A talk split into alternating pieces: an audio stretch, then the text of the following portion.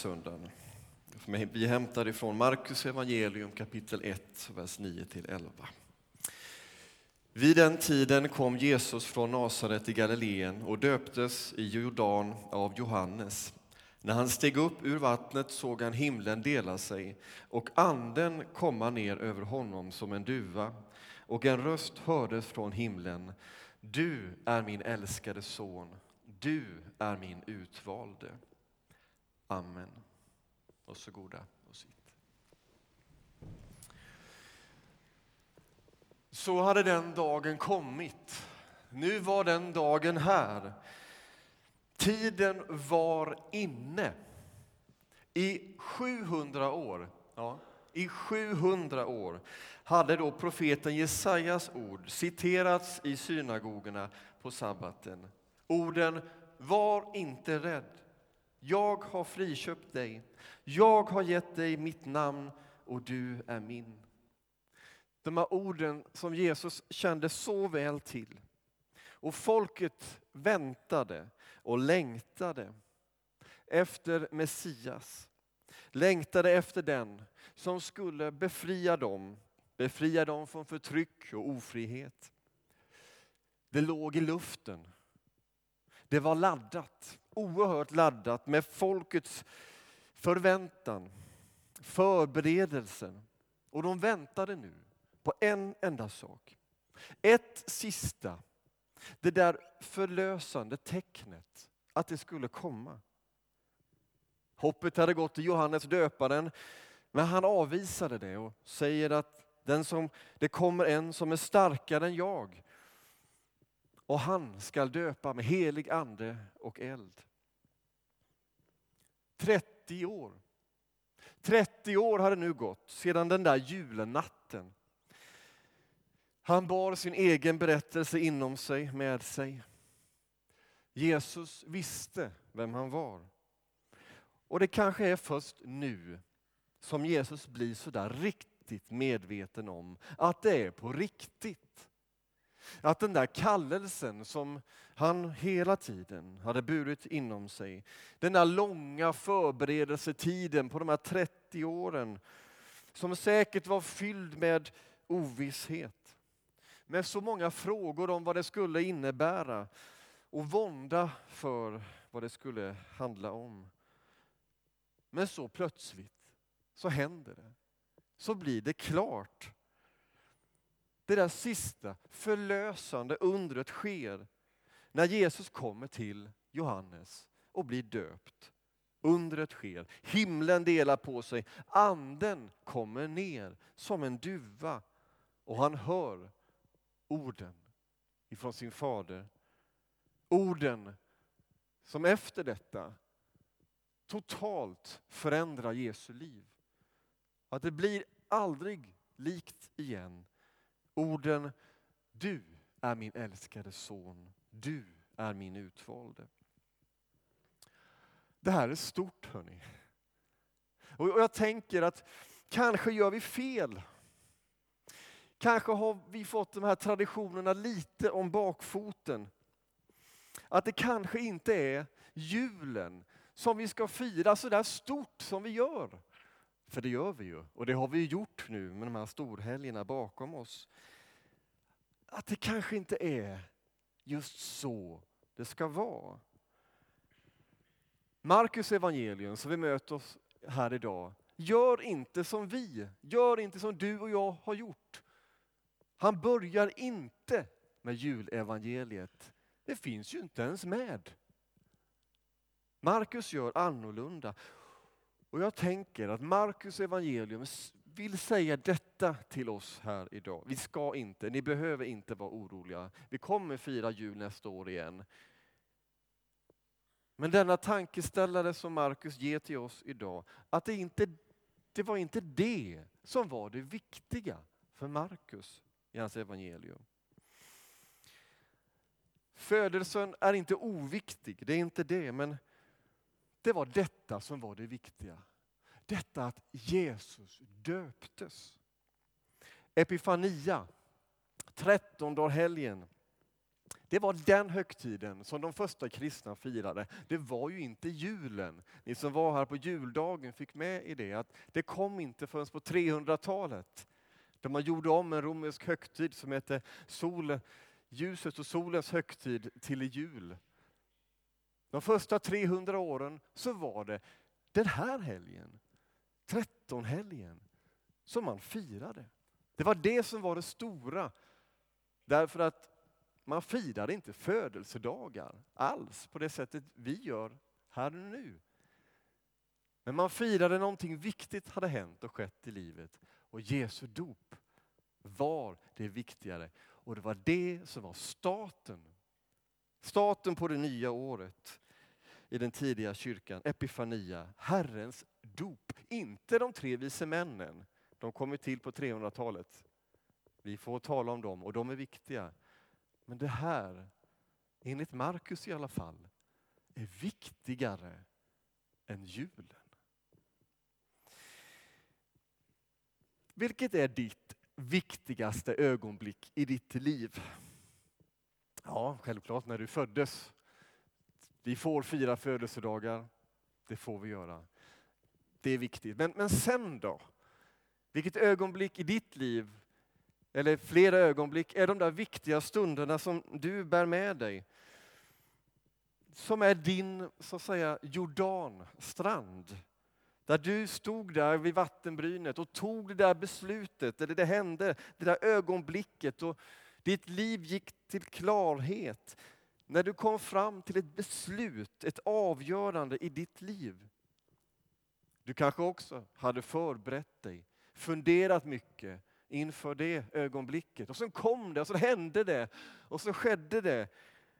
Och efter det ögonblicket förändrades ditt liv. Det blev någonting mer, någonting annat än vad det hade varit innan.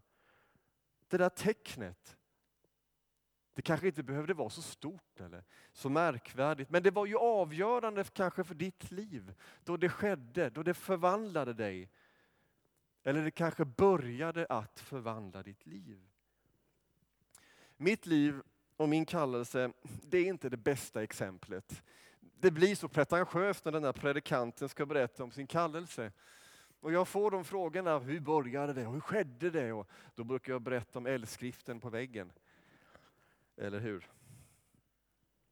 Men jag tror ändå att våra liv, de är inte så olika, ditt och mitt. Den här lilla händelsen som gjorde att någonting skedde inombords. Min väg till pastor, det var ett växande, det var ett upptäckande, det var en lång väg. Och jag fick många uppmuntrande ord på vägen och jag fick väl ett och annat tecken i skyn på något sätt. Men det som satte mest spår i mig, det som satte igång det hela, det var den där torsdag förmiddagen på Njudungs gymnasieskola i Vetlanda när jag var 17 år gammal och sitter på en rittekniklektion. Ni hör ju hur heligt det här låter. Och läraren säger det där. Man minns ju inte mycket vad lärarna har sagt genom åren. Eller att man kan citera vad de har sagt. Men det här kan jag citera, det här kan jag exakt veta vad som sades. Och läraren säger att nu måste ni alla lyssna, för det här måste ni kunna utan till. Sen la han till, så där i förbifarten. Han tänkte nog inte knappt så mycket på det där. Det var inte så viktigt för honom när han säger, jo förresten, alla ni som ska bli politiker och predikanter behöver inte kunna det här. Och jag kan inte komma på vad det var vi skulle lära oss utan till. Jag har funderat, vad var det som var så viktigt? Jag kommer inte på det. Men jag minns det där tillägget, de där orden. Politiker och predikant. Och jag minns att där och då den här torsdag förmiddagen så stannade huvudet upp. Och min vän som satt bredvid mig, som också gick till kyrkan, han tittade på mig tittar du på mig för? Det hände någonting på en rittekniklektion. Och det kanske är de tillfällena, de där små tillfällena som vi ska rama in, som vi ska ta tillvara på. För det kanske var Gud som sänkte sig över dig med sin heliga ande. Och någonting blev förändrat, förvandlat sedan den dagen. Och det om något är värt att fira. När livet tog en ny riktning, när orden som någon annan sa, eller det kanske du upplevde någonting. Och det kanske var en stor händelse som du bär med dig. Det kanske var ett elddop så att säga. Att du gick igenom någonting väldigt, väldigt svårt som var tvunget att övervinnas. En stor prövning som var tvunget att gås igenom. Eller så var det den där vinden av en stilla viskning i suset som tog tag i ditt liv. För Jesus så skedde det den här dagen. Då skedde undret i dopet. Och det skedde när Jesus befann sig längst ner. När Johannes först hade vägrat att döpa honom för han inte ens var värdig att knyta Jesus sandaler så stod Jesus på sig och böjde sig under och säger att han ändå ville bli döpt. Att han gick under, in under samma villkor som du och jag som människor. Att han ställde sig i solidaritet med oss alla andra som vill börja om. När vi misslyckas. Som vill en förändring. Och det är då det där händret, undret händer. När Jesus befann sig alltså längst ner, det är då som Jesu gudomlighet blir som tydligast. När han är på samma plan som dig och mig. Och det är en tröst för dig och mig. När vi känner av vår egen och världens brustenhet. När det tynger oss att just veta det. Att han var där. Att han inte satte sig över dig och mig. Att han inte kommer ovanifrån. När du känner att livet inte blev på det där sättet som du hade kanske velat. Eller när du undrar varför livet var så hårt mot dig och ville dig illa. Så Jesus är där. Jesus är alltid där. Gud är nära. Du är min älskade. Du är min utvalde. Eller med Jesajas ord. Var inte rädd. Jag har friköpt dig. Jag har gett dig mitt namn och du är min. Nu börjar Jesu liv precis på samma sätt som det slutar. Det börjar i solidaritet med människors kamp och nöd och på korset får han känna på det mänskliga lidandet och eländet. Men när Jesus torteras och dör så är han redan där och då på väg mot den tredje dagen i uppståndelse. När Gud ska uppväcka honom ifrån de döda och ge honom ett liv på nytt. Därför kallar Jesus själv sin död för ett dop. Hans kanske egentliga dop. Och dopet blir då kopplat till Jesu död och uppståndelse. Den som är döpt till Kristus är döpt till att dö och uppstå som han. I Romarbrevet skriver Paulus och beskriver det här när han säger Vet ni då inte att alla vi som har döpts in i Kristus Jesus också har blivit döpta in i hans död? Genom dopet har vi alltså dött och blivit begravda med honom för att också vi ska leva i ett nytt liv så som Kristus uppväcktes från de döda genom Faderns härlighet. Ty har vi blivit ett med honom genom att dö som han, ska vi också bli förenade med honom genom att uppstå som han. Vilka fantastiska ord att ta in. Att genom dopet, genom det Jesus gör på korset, så får vi liv genom död till liv, från mörker till ljus, från konflikt till försoning, från kamp till seger.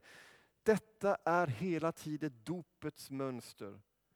Att mörkret, att i kampen, i konflikten, att då lita på Guds ord. När han säger, var inte rädd. Jag har friköpt dig. Jag har gett dig mitt namn och du är min.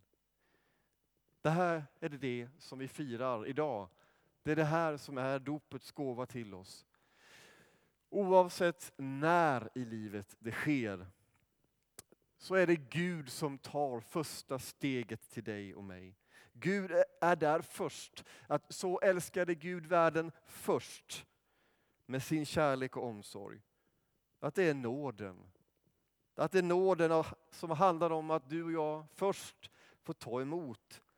Det är så det lilla barnet gör. Tar emot. Och sådana vill Gud att vi alltid ska vara för att komma in i hans rike som det lilla barnet. Ta emot. Gud kräver inte. Du behöver inte förtjäna. Du behöver inte heller ha ett visst mått av tro. Du behöver faktiskt inte heller förstå. För Gud tar första steget. Sen får du och jag leva, växa, upptäcka, utmanas och kämpa med denna tro. Dopet är våran vattenstämpel.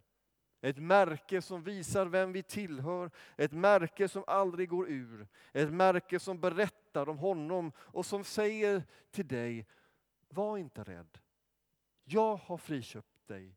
Jag har gett dig mitt namn och du är min. När vi döper i vår kyrka så ber vi en dopbön som jag vill sammanfatta med nu. Vi tackar dig Jesus vår räddare för dopets osynliga men outplånliga tecken på gemenskap med dig. Vi ber att vi genom livet en dag genom döden får bäras av kärleken och nåden som du räckt oss i dopet. Amen.